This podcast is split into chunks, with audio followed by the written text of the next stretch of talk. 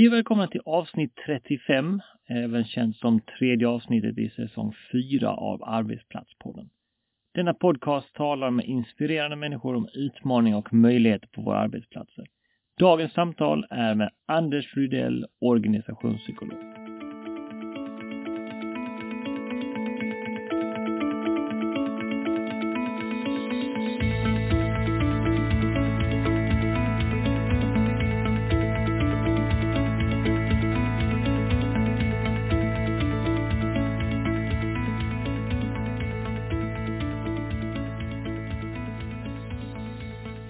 Hej alla lyssnare! Andreas här och välkommen till Arbetsplatspodden. Den här podcasten har målet att publicera nyttiga avsnitt varje vecka. Ibland är det samtal med spännande arbetsmiljökämpar och ibland är det reflektion och reportage. Och du kan också följa mig på Facebook, bara sök efter Arbetsplatspodden. Och vi ska finnas i alla de stora podcastbiblioteken där ute. Vi har alltså i dagens samtal pratat med Anders Rydell och vi fick en trevlig pratstund om bland annat paradoxer, medarbetarnas välmående och hur ledare behöver ta mer ansvar. Då sitter jag här med Anders Rydell. Tack för att jag fick komma. Då är frågan, vem är Anders och vad har du för bakgrund? Ja, eh, jag är ju då, eh, ja jag är ju legitimerad psykolog och eh, har arbetat som psykolog i tio år nu och är också vidare, har vidareutbildat mig. Så jag är specialist då i ett lite snävare fält inom psykologin då som kallas för organisationspsykologi.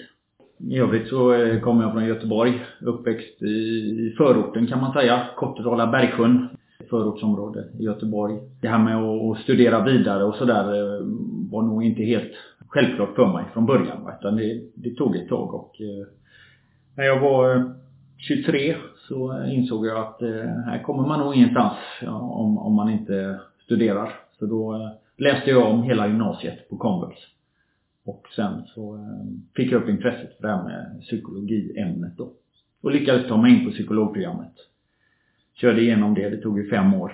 Och sen eh, flyttade jag faktiskt direkt till Norge och eh, arbetade i fem år. Eh, både som klinisk psykolog där och var också region, regionchef hette det då firman jobbade på. Så att jag fick ganska tidigt lite egen eh, chefs eller ledarerfarenhet och sådär. Kan man tycka var lite väl tidigt och så men eh, nu i efterhand så eh, har jag nog lärt mig ganska mycket av det ändå. Ja men det kan jag tänka mig. Det är också kulturkrocken med att komma till ett annat land och se hur det mm. fungerar. Även om det ligger nära inpå så måste det ha varit en hel del skillnader mm. jämfört med vad du kommer från. Ja, faktiskt. När, när, du säger det. Norge och Sverige är ju ganska lika på många sätt. Men det är också någonting i kulturen som, som skiljer lite åt. Det, ibland så känns det som att det, det är lite mer vilda västern i Norge. Saker och ting är lite mer uppstyrda i Sverige på olika sätt. Det är den känslan jag har med Danmark. Det, ja. Du sätter dig inte på en dansk. De Nej, sliter ifrån. Ja, som då ja. organisationspsykolog så att säga. Vad, vad, mm. gör du när du går ut och jobbar med företag och andra? Ja, eh, jag har ju nu eh, senaste fem åren då så har jag arbetat eh, som konsult inom företagshälsovården eller företagshälsa som det heter idag då man försöker piffa till det där ordet lite grann, hetta upp det lite. Och då arbetar jag helt enkelt med arbetsmiljökartläggningar till exempel. Där vi försöker reda i hur, hur ligger det till egentligen med arbetsmiljön här på, på den här arbetsplatsen då. En hel del konflikthanteringsuppdrag. Konflikter är ju rätt så vanligt ute på arbetsplatser och då kan man ibland behöva någon form av facilitator eller medlare i detta. Eh, det, då brukar jag eh, hjälpa till med det. Då. Olika teamutvecklingsinsatser som många kanske har hört talas om och såklart deltagit i. En del föreläsningar också mycket kring stress och utmattningsproblematik som ju är en jätte, ett allvarligt problem i dagens arbetsliv helt enkelt. Jo, det är ju helt klart. Och det var ju bland annat då den här artikeln i, i Sydsvenskan som jag fick lite syn på och tyckte att den var väldigt bra inlägg i debatten om just hur vi hanterar de här sakerna. Vad ser du då som någon typ, om vi ska ta som någon typ av benchmark. Vad är en bra arbetsmiljö enligt dig? Jag eh, brukar tjata ganska mycket när jag är ute och, och, prata med eh, företagsledningar och medarbetare att det här med arbetsmiljö är ju i mångt och mycket en individuell upplevelse. Och, och också hur man hanterar den individuella upplevelsen. Självklart finns det ju en, en yttre eh, verklighet också. Men det, det är mycket hur man upplever och, och, och tolkar och, och önskar sig. Några väldigt vanliga och viktiga aspekter av eh, en arbetsmiljö är ju till exempel meningsfullhet på jobbet. Det, mm. det, det är viktigt för många då. Men även eh, kraven, hur, hur höga är kraven? Vilka resurser finns? Mm, vilket stöd får man för att kunna hantera och utföra? Leverera det som man eh, ska leverera då. Påverkanskraft är en annan väldigt viktig och sen också ganska basic trygghet också. Att man har slags trygghet där man är liksom, i form av spelet med kollegorna liksom, men också att man har liksom en arbetsplats som finns kvar. Mm. Känner jag. Ja, tryggheten är, är jätteviktig och det finns något som kallas för psykologisk trygghet som man brukar prata om mer och mer nu. Och, och, och det handlar ju om att eh, kunna känna sig tillräckligt trygg för att våga uttrycka sig och, och, vara kritisk utan att känna att man ska utan att känna sig rädd för eh, repressalier eller mm. annat. Precis. Om du då tittar tillbaka på de erfarenheter du har, företag du har jobbat med. Vad ser du som den största utmaningen när man ska bygga liksom en sund arbetsmiljö där alla trivs och växer? Var finns liksom stoppblocket någonstans? För det första så, ja. En sak som man kan säga är ju att det är ju ganska mycket fokus på arbetsmiljöfrågor just i Sverige vi ligger ju ändå hyfsat i front där. Så att mycket är ju bra om man jobbar på många fronter men vi vill ju gärna att det ska bli så bra som möjligt. Mm. Och, och, vi är ju överhuvudtaget inte i mål då. Det är ju att försöka Ja men den här artikeln som du nämner till exempel som handlar om de här missförstånden. Det är ju Det låter ju väldigt enkelt Flera av de här beskrivningarna kanske men Men det sitter ju ofta djupt rotat i, i kulturen. En av de största utmaningarna är att vi på många sätt skapar en arbetsplatskultur som går emot människans eh, natur. Kan man säga. Eh, och det säger sig självt att då då går ju utvecklingen åt fel håll. Då blir vi ju snarare sjukare än friskare på jobbet. Exempel då på eh, kulturella eh, ja, normer och eh, förväntningar och sådär är ju Bland annat det här med prestationsinriktad självkänsla. Alltså vi, vi eh, är perfektionister i högre grad idag. Eh, man tolererar inte fel, misstag, tillkortakommanden, behov av hjälp och så här. Självtillräcklighet är ju en eh, snarast efterfrågat idag. Att, att man ska klara sig själv, själv är bäste dräng och, och du ska sköta dig själv. Och, och tittar man på anställningsannonser idag så är det ju ofta fina ord och beskrivningar på egenskaper där. Men om man vänder och vrider lite på dem så är det ju rena eh, utmattningsstrategier då. Om du tar självtillräcklighet till exempel. Om du byter ut det ordet till självständighet så låter det plötsligt positivt. Mm. Det, eh, blir, det blir väldigt ensamt till slut om man har en eh, tendens att en, en överdriven tendens till att klara sig själv i alla lägen. Ensamt också blir det. Det blir det ju va. Du får ju också ett värsta fall så får du liksom flera små ekosystem i företagets ekosystem vilket skapar ju komplikationer på annat håll liksom. Mm. Beroende på hur långt man låter det gå naturligtvis. Mm. För ja. Jag, jag tänker lite grann det här delaktighetsparadoxen mm. blir väldigt intressant. Mm. Det hela som du nämner bland annat va. Och berätta lite om den och hur man kan arbeta för att motverka den. Ja, det är ju en av de här missförstånden då som vi dryftade och det som sagt delaktighetsparadoxen har jag ju iakttagit nu eh, under mina eh, tio år ute på arbetsplatser och sådär. Det, det handlar ju helt enkelt om att medarbetare får till sig att man ska vara delaktig eh, på olika sätt. Man ska vara med och påverka och det, det låter ju väldigt positivt.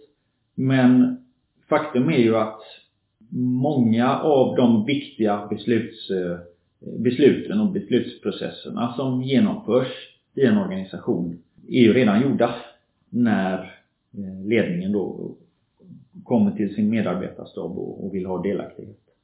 Så att man, man kan misstolka delaktighet med medbestämmande. Medbestämmande finns ju här och där men i, i betydligt lägre grad än vad, vad, man ofta ger sken av. Och detta blir väldigt förvirrande och utmattande för folk när man eh, antingen när man kommer på det och, och märker att man sitter här i smågruppsdiskussioner och bikupor och, och, och nu ska vi skriva upp förslag här på stora blädderblockslappar och sätta upp på väggarna och så ska vi gå på vernissage Mm. tillsammans. Precis. Eh, Och så har vi lite godfika emellanåt och så blir det en trevlig dag. Men det är allt vad det blir. Det blir en trevlig dag. Och det är väl inget fel med det. Men då tycker jag att man kanske borde koncentrera sig på det istället för att påstå att alla ska vara med och bestämma. För så är det sällan.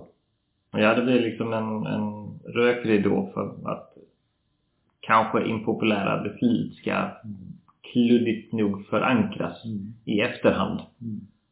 Att man skapar liksom ett sken av att ni har möjlighet att påverka. Mm. Och när folk då ser igenom det där, så folk är ju inte dumma va? Så försvinner ju en hel del saker som motivation och Mm. Ansvarstagande brukar ju också lite grann kan jag tycka försvinna i sådana lägen därför att ja, men det spelar ingen roll vad jag tycker för att det är någon annan som fattar andra beslut likväl. Mm. Och det är ju naturligt att det blir så. Mm. Men mycket av det här med missförstånd och förvirring på arbetsplatsen bottnar ju någonstans i brist på kommunikation. Alternativt alltså riktigt dålig kommunikation. Mm. Mm. Och hur kan man då från ett ledningsperspektiv eh, till exempel eller andra perspektiv förhindra de här missförstånden som du nämner liksom? Hur ska jag som arbetsgivare bete mig och eh, arbeta för att liksom det ska fungera så smidigt som möjligt? Ibland så, tror jag eh, dessvärre, så sticker jag ut hakan lite, så tror jag dessvärre att, att det finns en del chefer som inte riktigt är medvetna om eh, de här missförstånden heller.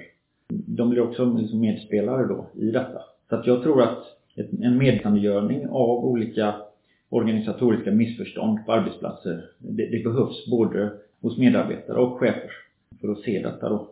Att man ändå måste någonstans ur ledarskapssynpunkt inte bara utgå ifrån att folk förstår. Mm. Att man ändå måste inse att det funkar inte att bara sätta upp fina posters och annat Mm. och att tro att folk läser dem utan man måste också förankra det man kommunicerar Mm. grundligare. Mm. Det finns ju så många företag som helst som nöjer sig med att skicka ut ett e-mail eller låta någon lite mer ansvarig komma och uttala sig va. Men det är ju inte en förankring. Det blir bara en envägskommunikation. Man måste ju jobba med det efteråt. Mm. Mm.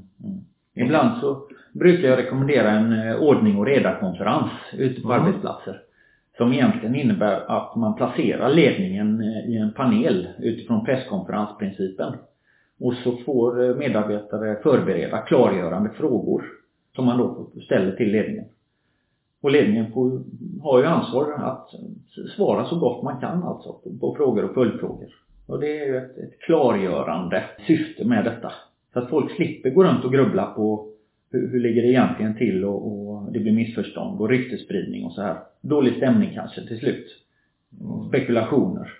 Det är ju fantastiskt moget om man som ledare i ledarskapet vågar göra någonting sådant. För det där brukar vi ofta se när det är för sent om man ska förklara vart det gick fel någonstans.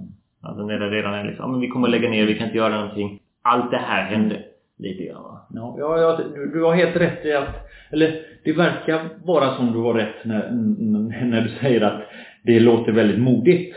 Därför att det är ju överhuvudtaget inte alla gånger som ledningen nappar på detta Nej. när jag föreslår. Jag vet inte riktigt varför man inte nappar på det men man skulle kunna tänka sig att det, det blir lite obehagligt eh, att- sätta sig i en sån här presskonferens liknande eh, upplägg då. Men, men om, om, vi, om vi tänker så här. Beslut som en verksamhetsledning tar är ju, får vi utgå ifrån, ganska genomtänkta. Det är en ledningsgrupp består ofta av ganska rutinerade personer. De har dryftat och tänkt mycket inför stora förändrings eh, förändringsprocesser som man sätter igång. Så att det finns ju en rational bakom de flesta beslut. Men man når inte alltid ut med den. Och det säger sig självt om, en, om, om man som medarbetare inte förstår bakgrunden och rationalen till ett beslut som ledningen tar. Så blir det jättesvårt att hantera. Framförallt om det är ett beslut som man tycker är lite bökigt, som Mm. ställer till det lite. Men om man kan förstå syftet liksom, och meningen med beslutet så blir det lättare. Och Precis. där brukar min uppmuntran vara till, till ledningen. Försök vara liksom, raka och ärliga med rationalen det är mycket bättre än att försöka linda in det eller säga att det, det ska vi inte prata om eller... Därför att eh, kan det ha lite grann att göra med någon typ av att ansvaret blir helt plötsligt för nära inpå? Alltså där sitter du liksom lite grann öga mot öga mm. mot dem du leder. Mm. Och helt plötsligt ska du förklara dig som du kanske inte annars behöver göra. Att det blir liksom lite för nära inpå ansvaret. Kan, kan, vara, kan vara så, men eh, obehag är ju inget farligt. Det går inte att baka bort mellanmänskligt obehag på en arbetsplats. Nej. Det är också någonting som jag tror att man ofta försöker göra då med utökade riktlinjer och policies. Och man söker stöd i, i rutiner och mallar istället för att mm. faktiskt ja, ge varandra feedback, ställa undersökande frågor, våga göra det och våga svara. Det är också, jag tänker så här, liksom att man gör medarbetarundersökningar en gång om året. Mm. Men du vet ju inte om folk är sura för förändringen i mars, februari eller juli. Om du gör undersökning i december. Du vet bara att folk är sura till exempel. Mm. Och jag tänker det att väldigt ofta oavsett nästan vilket besked du har i en sån här, om man har en sån här presskonferenssituation. Vi har ju sett exempel på historiskt sett hur medarbetare och anställda är villiga att gå ganska långt för egen del. Man går ner i lön och mm. annat mm. för att liksom man sympatiserar med sin arbetsplats och så vidare. Så det, precis som du säger, det, det, kan ju inte vara farligt att göra. Tvärtom kan det ju vara egentligen mening vinna respekt. Mm. För att du tar ditt ansvar på, på stort allvar i den bemärkelsen så att säga. Ja, det brukar ju vara så att eh, ju mer du öppnar upp dig och, och, är ärlig desto större förtroende får du. Mm. Eh, men den, den, princip, den principen anammas inte alltid. Nej. Tyvärr. Och då blir det lätt eh, ryktesspridning och eh, ja, i värsta fall sprids det historier kring att ledningen är, är ondskefull och vill oss illa. Trots att det, det, det vill de överhuvudtaget inte då. Nej. Men det är väl lite grann det som du kallar, om vi hoppar lite framåt, intentionsinbildning. Ja. Att man inbillar sig mm. att stora stygga vargen står för dörren lite grann. Mm. Jo, precis. Och hur vanligt är det med um, den här typen av psykologiska reaktioner på din arbetsplats? Ja. Jag skulle säga att det är väldigt vanligt. Och eh, det är ju inte bara vanligt på arbetsplatser utan det är väldigt vanligt i, i, i, i hela livet. Det, det har man väl ofta liksom hört och, och själv också bidragit med detta här va? Och, och att påstå vad någon annan känner. Mm. Eh, och, och eh, om man säger till någon att nu, nu, är, du, nu är du arg på mig. Eh och så är personen inte det. Nej. Eh, och så liksom promptar man på det då att jo det är du. Du är arg på mig nu. Men personen är inte det. Bygger ju det på en inbillad föreställning om den andres känsloliv. Och då är det mycket rimligare att om jag är orolig för att du eh, på något sätt är efter mig eller eh, känner någonting just i den här situationen så är det ju rätt så bra om jag kollar av det med ja. dig. Och det, det kan man då kalla för undersökande kommunikation. Mm. Inte alls för många. Nej. Det, det, ja, för det kommer ju lite grann tillbaka till det här då på individnivå är vi nu då, då har gått från ledarskap mm. till medarbetarna och liksom rört oss ner på individnivå. Mm. Det du pratar om där, det handlar är ju lite grann i samma kategori som det här när man liksom de osynliga signalerna som man kan skicka till varandra på en arbetsplats. Mm. Att, som man många gånger missar liksom, att man beter sig på ett visst sätt som andra uppfattar negativt. Mm. Både, både medvetet och omedvetet. Man säger. Mm. Men det kan ju vara allting som att man glömmer bort de som har någon typ av specialkost, när Man beställer mat till företaget till hur smeknamn ges och att man lämnar folk ute från olika typer av evenemang för att man. Ja, men du dricker ju inte. Varför vill du komma på den här festen till exempel? Vad är det som gör att vi som människor där missar de här signalerna? Liksom att vi faktiskt beter oss mot varandra? Det är, det är en bra fråga. Det, det här med jargong och så brukar man ju prata om att det, det ligger lite i kulturen på vissa arbetsplatser. Och, mm. och, och, då, när, när det kommer upp till ytan så brukar det vara att det, det är en hård jargong då. Och det där, eh, Ja men där, där vet jag att det finns ju väldigt stora problem runt detta på vissa, ja, eh, inom vissa branscher mer också skulle man kunna säga lite. Så, och då, eh, då handlar det om att någon vågar lyfta upp det här till ytan, sätta ord på det och, och på något sätt ja, också fråga. Är det här okej? Okay? Vill ni ha det så här? Eller, eller ska vi försöka utveckla en, en vänligare, mer öppen, tolerant eh, kultur? Det är få som går till jobbet för att jävlas med folk. Det är ju det som tur är. En och annan stolle kan ju slinka in på arbetsplatsen men min uppfattning är nog ändå att de flesta vill eh, att saker och ting ska flyta på ganska smidigt och man vill ha ett gott samarbete med sina kollegor. Så att mm. Det, det, är en, det, är en, bra grund för att arbeta med och, och försöka skapa en, en bättre jargong och schysstare miljö för alla då. Ja, för alla är nog väldigt medvetna om hur mycket tid man spenderar på en arbetsplats. Och det är som du säger, det vore ju egentligen ganska kontraproduktivt också om man går dit för att förstöra någonting där man ändå spenderar majoriteten av sin tid. Mm. På något sätt. Som sagt, det finns, eh, det finns eh, exempel där, där eh, på, på destruktivt beteende som liksom ballar ur och sådär. Men ja, min grundinställning ändå som psykolog och organisationspsykolog är ändå att ja, de allra flesta vill vill göra så gott de kan och, ja. och så. Ibland blir det tokigt men utgångspunkten är att vi, vi vill få det till att funka. Men om man då tittar på det här, du nämnde innan du jobbar en del med konflikthantering och annat. Mm. Om du då går in i en verksamhet där det är liksom konflikter uppstår av mängd olika skäl. Kulturskillnader, man, mm. man äh, vet missförstår varandras intentioner och annat. Mm. Hur gör du för att gå tillväga att alla så att säga gå i samma riktning igen. Mm. Eh, samma riktning, hur menar du? Ja, jag tänker alltså, alla företag som vill gå bra måste på något sätt ha att alla ror i samma riktning. Mm.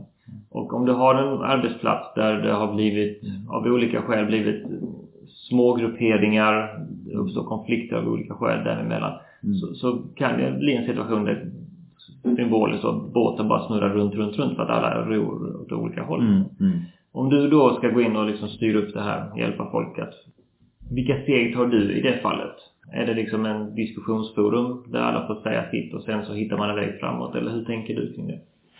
Där brukar jag utgå från lite mer, alltså då brukar jag börja med lite mer strukturella och organisatoriska grundpelare och, och försöka undersöka hur det ligger till där. Och en sån grundpelare är ju syftet med verksamheten. Alltså syftet med enheten eller gruppens överhuvudtaget existens då. Och då kan man ställa frågan var, varför finns eh, ni? Eller varför finns den här gruppen? Varför kan vi inte bara lägga ner den här verksamheten idag? Mm.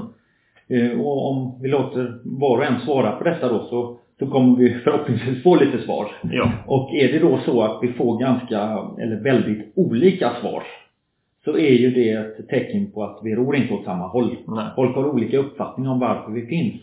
Och det är ju en eh, stor källa till eh, konflikt. Så att bara en sån grundläggande nivå som att få till en samsyn kring varför vi finns mm. Eh, kan vara bristande kan man behöva börja där då. Det låter ju väldigt snuttigt för att många går ju bara till jobbet för att man ska ha naturligtvis pengar på fickan och mat på bordet. Mm. Många gånger tycker jag att man har mött på människor som Varför gör du det här? Ja men jag, alltså, jag skruvar i en skruv. Okay, men vad är du en del av? Mm. Nej, nej men det är det jag gör. Och det blir lite grann att man hamnar i en man ser inte sin egen vikt i det hela liksom. För att hur man än vrider och vänder på det om vi har en fabrik eller någon annan typ av produktion eller vilken verksamhet som mm. helst så att om de som missförstår mig rätt, gör grovjobbet mm. för ledarskapet så att säga, om de får nog och går så finns det inget företag liksom. Nej, precis.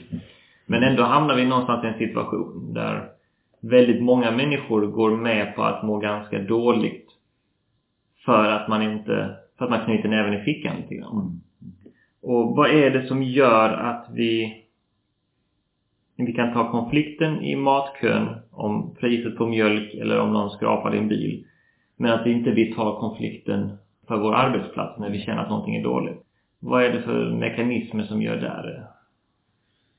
Ja, nej men det, det är ju en risk man tar om man är kritisk mot sin egen, eh, sin egen arbetsgivare på något sätt. Mm. Så är ju det obehagligt. Så att där är det ju väldigt viktigt att eh, en eh, verksamhetsledning ja, är goda rollmodeller och uppmuntrar till kritisk reflektion kring saker och ting. Så att man då förhoppningsvis kan bygga en trygghet på arbetsplatsen. Folk vågar uttrycka eh, sig, komma med nya idéer Mm. och, och liksom vara kreativa inom rimliga gränser och, och sådär. Det är tryggheten vi kommer tillbaka till lite grann Ja. Alltså att man, man är så... Vi är inte franska nog. Om fransmännen blir miss- missnöjda, då hamnar det liksom Ja. saker på Mm. Champs-Élysées liksom. Mm. Om de är missnöjda med någonting. Mm. Och likadant danskarna är också Mm. ganska snabba att sätta ner Mm. foten. Men jag kan uppleva ibland att man i Sverige är väldigt tacksam, väldigt långt Mm. i sitt quote on quote lidande Mm. innan man sätter ner foten. Ja, det, det finns ju vissa eh, riskbeteenden kopplat till utveckling av stress och utmattningsproblematik och sådär. Och e- ett sånt beteende skulle man kunna kalla för att vara andra till lags Mm. eh, då. Eh, Det vill säga, precis som du säger, man knyter näven i fickan och så, och så gör man som, som det är förväntat eller vad man blir tillsagd och sådär trots att det går helt emot eh, dina ja, in- etiska etiska eh, liksom, principer eller, eller att du, du är fullständigt slutkörd eller överarbetad och det här går inte helt innanför din roll och så vidare. Om du gör det ändå för att du tror att ja men det här är väl, det här ingår väl i, i mitt jobb att på ett överdrivet sätt vara andra till lags. Och det blir en risk, riskfaktor. Och det leder ju till en stress som, som du säger, som slår ut en vid någon tidpunkt. Man har liksom en, man måste anpassa sig på arbetsplatsen för att man ska behålla jobbet på något sätt. Samtidigt som man måste hantera stressen att man inte gör, att inte man gör det man vill riktigt. Och där tror jag nog många gånger som du säger liksom att man måste ha, som företagsledning måste man där våga visa att vi kan ta kritik, vi kan ta dialogen, det händer ingenting. Mm. Om det så är genom anonyma postlådor där folk skriver någonting Mm. eller om det är öppna forum. Mm. Så tror jag nog att alltså, det, det är en viktig punkt att hålla koll på liksom. Att man, Mm. att man alla mår bättre om de får snacka av sig. Mm. Det behöver inte alltid leda till förändring men det viktigaste är att du får framfört ett budskap att det här är vi inte nöjda med. Mm. Vi kan jobba med det men det hade varit skönt om vi kunde ändra på det Mm. till exempel. Och då, då vill jag gärna slå ett slag för eh, detta med reflektionsarena på arbetsplatsen. Precis det du är inne på nu. Att eh, de flesta människor har ett behov av att dryfta hur saker och ting går på jobbet. Med Mm. samarbete, samspel, leverans eh, och så. Eh, och om vi inte får en legitim arena för detta så kommer vi göra det i alla fall. Men då kommer vi göra det i mindre klickar ute i korridorerna med våra mest förtrogna. Och, och, och då är risken att eh, historierna tar ut svängarna. Det blir ryktesspridning, kanske negativt historieberättande som Mm. börjar cirkulera. Det blir dålig stämning, konflikter, sämre eh, leverans. Så att, och, och det här är häpnadsväckande sällan som eh, jag eh, ser att eh, arbetsgivare faktiskt får till en sån här reflektionsarena. Man, man har bakat bort detta här på eh, väldigt många ställen. Då går det som det går. Det, det, det är en grundläggande princip för att utveckla en verksamhet att ha en fungerande reflektionsarena där alla är med. Mm. Man har bakat bort det lite grann i hetsen på produktivitet. Ja, bland annat. Får man, får man till en god reflektionsarena så är det ju eh, inte bara möjligt att baka bort eh, negativa beteenden då som till exempel kvaller och spekulationer och så. Utan man får ju också möjlighet att bygga upp en lära och misstagkultur på arbetsplatsen. Och det säger ju sig självt att det är ju också någonting som är väldigt viktigt för att vässa verksamheten. Det ska vara någonting positivt att lägga blunders och utmaningar och tillkortakommanden på bordet med sina arbetskamrater. Så vi kan titta på det och lära oss av det. Ja men precis, alltså om inte du gör misstag så utvecklas du inte. Då testar du ingenting nytt. I alla sammanhang där du bara kör runt i samma hjulspår så, så blir det ju liksom stiltje till slut och så händer ingenting. Det blir en hämmad Ja, eh, tillställning. Precis, då. och många gånger när det väl är dags att testa någonting så är man så rädd fast man försöker saker och ting, att man ändå inte tar till sig de nya sakerna liksom. Om man tänker på hur, hur långsamma till exempel Nokia var med att reagera på alla nya operativsystem som kommer. Att man höll fast vid sitt eget men utvecklade samtidigt inte. Mm. Och när man väl hopp, när man väl i panik hoppade på ett nytt operativsystem så hoppade man på Microsofts egna, vilket var väldigt dåligt utvecklat så man inte ens kunde copy-pasta saker och ting i. Mm. Så att, eh, att vänta för länge ger ju också verkligen behov till galna beslut i den bemärkelsen. Ja. Vilka utmaningar ser du för arbetsmiljön framöver om man tänker på digitaliseringar, man har nya kontorslandskap till exempel? Är det liksom någon risk att vi tappar vissa grundläggande principer för att vi ska testa någonting nytt? Det tror jag verkligen att vi gör. Ja men om vi, om vi börjar med det här då som man skulle kunna kalla för regel och administrationshysterin i Mm. arbetslivet idag. Blir det ju mer och mer fokus på att, eh, jag ser du blir trött bara jag börjar prata Nej, om det här med nej. administration. Alltså, men det, det, det är så här det är va. Det är, det är, folk nöts ner av eh, administrationskraven då. Precis. Det, det är riktlinjer, det är styrdokument, policies, formulär för avvikelserapporter och mallar för medarbetarsamtal. Eh, Trivselregler eh, ska vi ha. Och vi ska jobba med värdegrunden och, och ha, ha, ha värdeord och, och, och sånt här. Va? Ofta värdeord som vem som helst kan, kan skriva under. Ja, det, det, det är liksom ingen, ingen hokus pokus. Men ändå så har vi lagt eh, flera eh, dagar med verksamhetsutveckling för att plocka fram tre värdeord som vem som helst som är en människa kan skriva under på. Ja. Ja, men det är exempel på administration och regelhysteri då. Och detta nöter ner folk. Mm. Inte, det nöter inte bara ner folk om jag får, om jag får fortsätta där. Det är också så att i, i värsta fall så, eh, så, så kommer ju folk sluta eh, tänka själva. Därför att om man som verksamhetsledning promptar på att vi, vi måste strukturera upp arbetet mer. Policyerna måste utvecklas mer.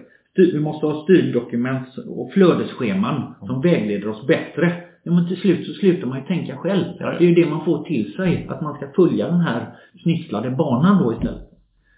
Och, och, och, och då kan man hamna i situationer eh, där verksamhetsledningen faktiskt vill att medarbetarna ska tänka själva och ta eget ansvar. Ja, men man har ju plockat eh, ansvaret ifrån dem.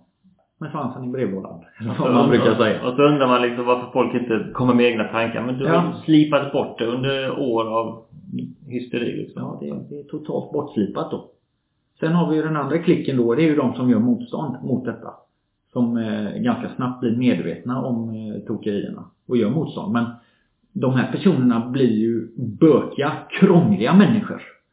Som man egentligen inte eh, då kanske vill ha på en Mm. arbetsplats, ställer till det. Eh, Och kan ju, kan ju också slå över i liksom, överbökigt beteende. Alltså Ja. det, är- det är, ja det är, så här mycket kanske du inte behöver böka. Men det blir liksom en motreaktion. Ja men precis. Så det, då, då har vi liksom två läger. Vi har å ena sidan den här nednötta, eh, uppstrukturerade styrdokumentsgruppen eh, gruppen då. Och sen så har vi den här motståndsrörelsen som har blivit någon slags gerillagrupp då, som också blir destruktiv. Detta är en stor utmaning. Och så har man liksom eh, så mycket utrymme mellan för att man kan se öga till öga på de mest basala grejer. Liksom. Mm. Då kräver det verkligen sin man att klampa in där och säga nu ska ni sätta er ner och prata liksom. Ja, det är ju en klurighet som jag brukar eh, ha med mig i bakhuvudet när jag är ute på arbetsplatser. Det är ju det att jag brukar ha som princip jag, jag, jag måste tänka att jag, jag måste få med mig både facket och verksamhetsledningen. Mm. Och det är ju ett litet konststycke, Ja. eh, tänker jag. Men om man bara är tillräckligt, om man försöker vara tillräckligt liksom, klarsynt och beskriva detta utan värderingar och, eh, och peka på hur det blir tokigt på olika sätt så märker jag ändå att eh, då får man med sig folk. Ja men precis. Eh, Människor är ganska lika också och, och kan förstå vad som händer. Ja, Det går ju tillbaka till det du sa innan Mm. att ingen går ju till jobbet för att ställa till det för någon annan. Nej. Och även om arbetsgivare och fack kan ha olika tankar om hur man når dit Mm. så oftast vill de samma sak, att verksamheten ska fortsätta. Mm. Men med finslipning av detaljer, Ja, om vi ska vara diplomater. Ja, precis. Ja, jag nämner gärna två andra utmaningar också här som jag sitter och grubblar på. Det, är ju, det ena är ju det här med förändringstakten idag. Mm. Det, det känns som att alla vet. Det, det pratas ju jättemycket om att ja, förändringstakten i dagens arbetsliv den är ju hisnande. Om bara jämfört med 20-30 år tillbaka. Och så är det nog lite grann. Alltså det, det är snabba puckar och, och det kräver ju en insats av var och en att klara av att hänga med. Absolut. Så att jag tänker att en eh, kompetens eller, eller förmåga som, som man behöver skaffa sig som medarbetare i, idag är ju just förmågan att hantera oförutsägbarhet. Det är ju inte så att efter nästa förändring, när, när den är genomförd, så blir det ingen mer. Nej. Men det är lätt att tänka så, okej, okay, bara det här blir klart nu, sen kommer det flyta på i lugn och ro. Ja. Men det kommer inte hända. Utan liksom, normalläget är förändring. Och det är obehagligt, för det är oförutsägbart. För då kan man behöva helt enkelt jobba med att kunna stå ut med det, obehag, det är obehagligt. Ja men det, alltså det är ju så det är va. Vi är nya tider, ny teknik och allting va. Alltså, jag har jobbat med människor som har varit 50 år på ett ställe liksom, gjort samma sak alla 50 år va. Jobbat med människor som har haft 10 jobb på 3 år liksom. Mm. Att det är liksom mm. olika verkligheter va. Och nu är det så att saker och ting förändras mm. ganska omgående för att man har konkurrens på ett helt annat sätt va. Och jag tror många gånger att man lite sidospår men alltså skolan utbildar dig till ett liv där du har ett jobb hela livet. Mm. Men det där är ju inte riktigt verkligheten längre. Och då hamnar helt plötsligt förändringsanpassningen på oss själva. Mm. Och det är det ingen jäkel som klurar ut om inte man har lite hjälp dra den. Ja, nej, det, det, är lite klurigt där. Och för att återkoppla till det vi snackade om tidigare med att med rationalen bakom beslut och sådär. Det blir ju ännu viktigare för verksamhetsledningen att faktiskt förklara varför förändringar sker. För när det sker så många fler förändringar idag än tidigare så blir folk förändringströtta. Mm. Då, men om man ändå kan liksom ha en förståelse för vad det är som händer hela tiden i förändringarna så blir det lättare att hantera. Det är väl också det att många gånger som anställd som medarbetare så får du liksom inte riktigt veta slutmålet. Utan du får liksom, det blir utportionerat. Pu om pu, här lite grann, här lite grann, här lite grann. Ja, men var är vi på väg någonstans? Mm. Det är inte alltid tydligt. Nej. Och det är där liksom ledar, ledar, ledarskiktet måste liksom tänka tydlighetsaspekt. Mm. Liksom, vad är det, hur kan vi förklara det här så tydligt som möjligt så att alla är på tåget? Ja. Och när det faktiskt är lite oklart vart vi ska, kanske även för ledningen och sådär, så kan ju en strategi som man kan använda för sig själv är ju att försöka skapa ett lite mer, eh, man kan kalla det för mikrokosmos, runt sig själv. Eh, där man hittar ett fokus i sitt egna hantverk, sin egen roll på jobbet, det man själv håller på med. Hitta meningsfullheten i det och så att det kan vara en trygg bas på något sätt och, och hålla fast sig i. Ja, man i alla fall vet att jag, jag gör ett vettigt jobb här eh, varje dag. Och ska nog kunna få till det imorgon också. I övermorgon är jag inte helt säker på hur det ser ut men, men imorgon ska, ska det gå. Ja, lite så. Ja. Och sen så tar du upp, du tar ju också upp det här med kontorslandskap och detta här aktivitetsbaserat kontorslandskap och det är ju också en sån eh, det är ju ett hett ämne. Mm. Eh, I alla fall inom arbetsmiljöbranschen om man säger så. Det, det enda jag kan säga där är också att det är ju helt individuellt hur man hanterar detta. Och det finns ju studier som visar att eh, om du, om du blir avbruten i koncentrationsarbete så tar det upp till 20 minuter att återfå full koncentration. Och då fattar ju vem som helst hur ineffektivt det blir om man sitter i ett öppet kontorslandskap. Men det är bara ett exempel på hur det kan ställa till. Det finns utmaningar där som vi inte riktigt har undersökt ja. innan. Ja. För att eh, öppna landskap, öppna kontorslandskap mm. var ju väldigt hett under ett tag. Liksom alla bara, nu ska det vara öppet och det mm. ena. Sen helt plötsligt började det ramla in rapporter att det här är inte så bra. Mm. Och jag såg någon engelsk studie där kvinnor på arbetsplatsen upplevde sig mer uttittade. För nu mm. innan hade de liksom sin lilla vrå kanske. Mm. Men nu satt de i öppna kontorslandskap mm. där de helt plötsligt många gånger blev bedömda mm. inför alla. Det fanns liksom ingenstans att gömma sig riktigt. Mm. Alltså, utan det var öppet överallt. Mm. Du kunde liksom inte smyga undan smutsiga blickar från folk som inte kan sköta sig och annat liksom. Att det blev mer liksom en, en utveckling av förtrycket. Mm. För att nu det inga gränser längre. Nu kan alla se dig hur, var den rör dig liksom. Ja, nej men det, det blir ju helt öppet och, och gränslöst som du säger och mycket svårare att behålla sin eh, integritet eh, då på olika sätt. Och det, nej, men det, det är ett problem som man kanske inte riktigt har mätt konsekvenserna av. Precis. Om man säger så. Om vi då tittar lite mer på Anders här. Har du någon särskild bok eller någon typ av metod eller kanske till och med någon person som har påverkat dig i den riktningen du har gått med hur du jobbar med arbetsmiljö och annat? Mm. Det är många eh, personer som har påverkat mig såklart som jag har haft väldigt eh, liksom mycket glädje av att lära känna och lära mig mycket av framförallt då. Mm. Och du vill att jag nämner några särskilda kanske? Det är upp till dig. Ja, precis. Det är liksom om du har någon på rak arm som du känner att "Ah, den här människan förtjänar lite extra. Ja, absolut. Jag har flera stycken men jag får, jag får så, så, nämna, för att nämna några då så kan vi nämna professor Mats Alvesson på Lunds universitet. Va? Han är ju väldigt framstående inom det här med organisation och ledarskapsforskning och, och har ju ett väldigt kritiskt öga kring vad, vad som egentligen försiggår ute på arbetsplatser. Och han har ju bland annat skrivit en nu gör jag reklam för hans böcker här också men eh, en, eh, en bok som heter Dumhetsparadoxen som tittar på där han försöker titta på fenomen som kan betraktas som eh, funktionell dumhet på arbetsplatser. Saker vi håller på med som egentligen inte har någon nytta. Eh, Eller som kanske till och med är destruktiva då. Sen har vi också en eh, norsk, eh, eh, han är doktor i eh, psykologi då. Han, han, Henning Bang heter han. Han är studierektor på specialistutbildningen då i, i Oslo. Och han är också en av Norges mest, han är väldigt kar karismatisk också. och Kan verkligen rekommendera om man vill eh, få eh, hjälp och utveckling av en, en, en eh, person som är rak och ärlig och, och lite hård men på ett hjärtligt sätt. Så det, han har lärt mig mycket, Henning. Ja. Mm, har han gjort. Och sen så en, en annan eh, eh, typ av utvecklingsinsats som jag rekommenderar både för liksom, konsulter som håller på att arbeta med arbetsmiljöfrågor men även medarbetare och, och, och chefer. Det är ju så kallade grupprelationskonferenser.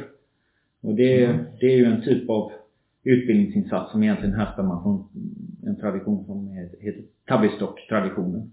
Där man helt enkelt live eh, undersöker vad som händer inom grupper, eh, mellan personer i grupper, inom dig själv i grupp och, och vad som händer mellan grupper och sådär. kan vara väldigt eh, lärorikt, obehagligt men väldigt lärorikt. Stora steg eller små steg, Ja, helt enkelt. är det. Och då, Anders, som någon typ av avslutning, om du har några Mm. korta arbetsmiljötips som någon som lyssnar kan ta med sig och börja använda direkt efter de har lyssnat klart. Ja, alltså en, en princip som jag alltid brukar prata om när jag föreläser om stress och utmattning och sådär. Det, det är ju eh, detta med egenomsorg. Jag brukar kalla det för egenomsorgsmodellen. Alltså förmågan att serva sig själv. Mm. Hålla sig själv i ett tillräckligt gott skick för att klara av arbete och övrig tillvaro.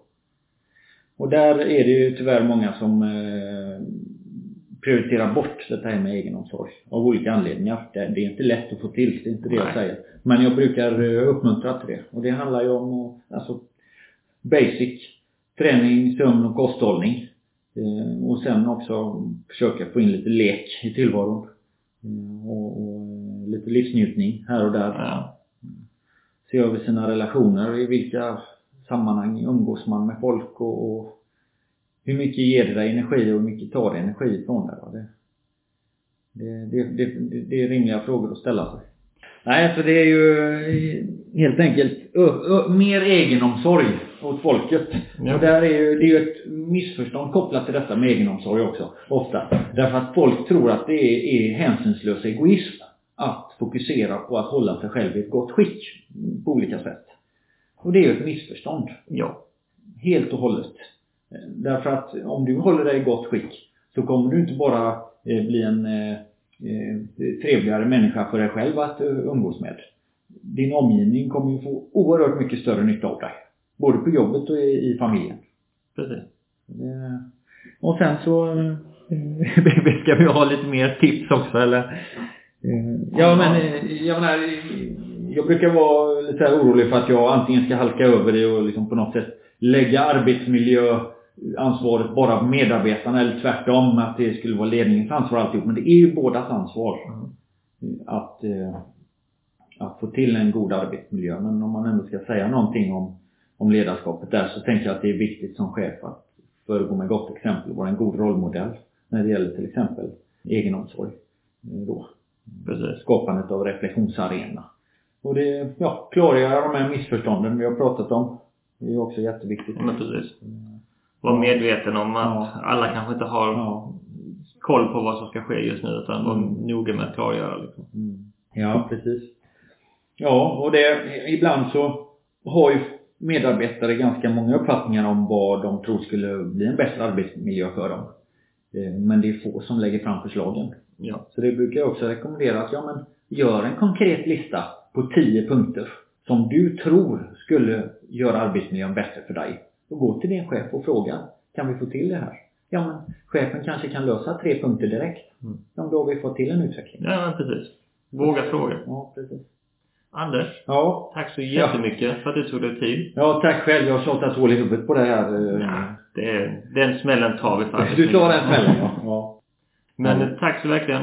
Och eh, jag önskar dig lycka till med allt du tar dig för. Tusen tack för att jag fick delta, Andreas. Det var veckans avsnitt av Arbetsplatspodden. Jag hoppas du tyckte det var givande. Dela gärna avsnittet eller kommentera och jag hoppas du får en fortsatt fantastisk dag.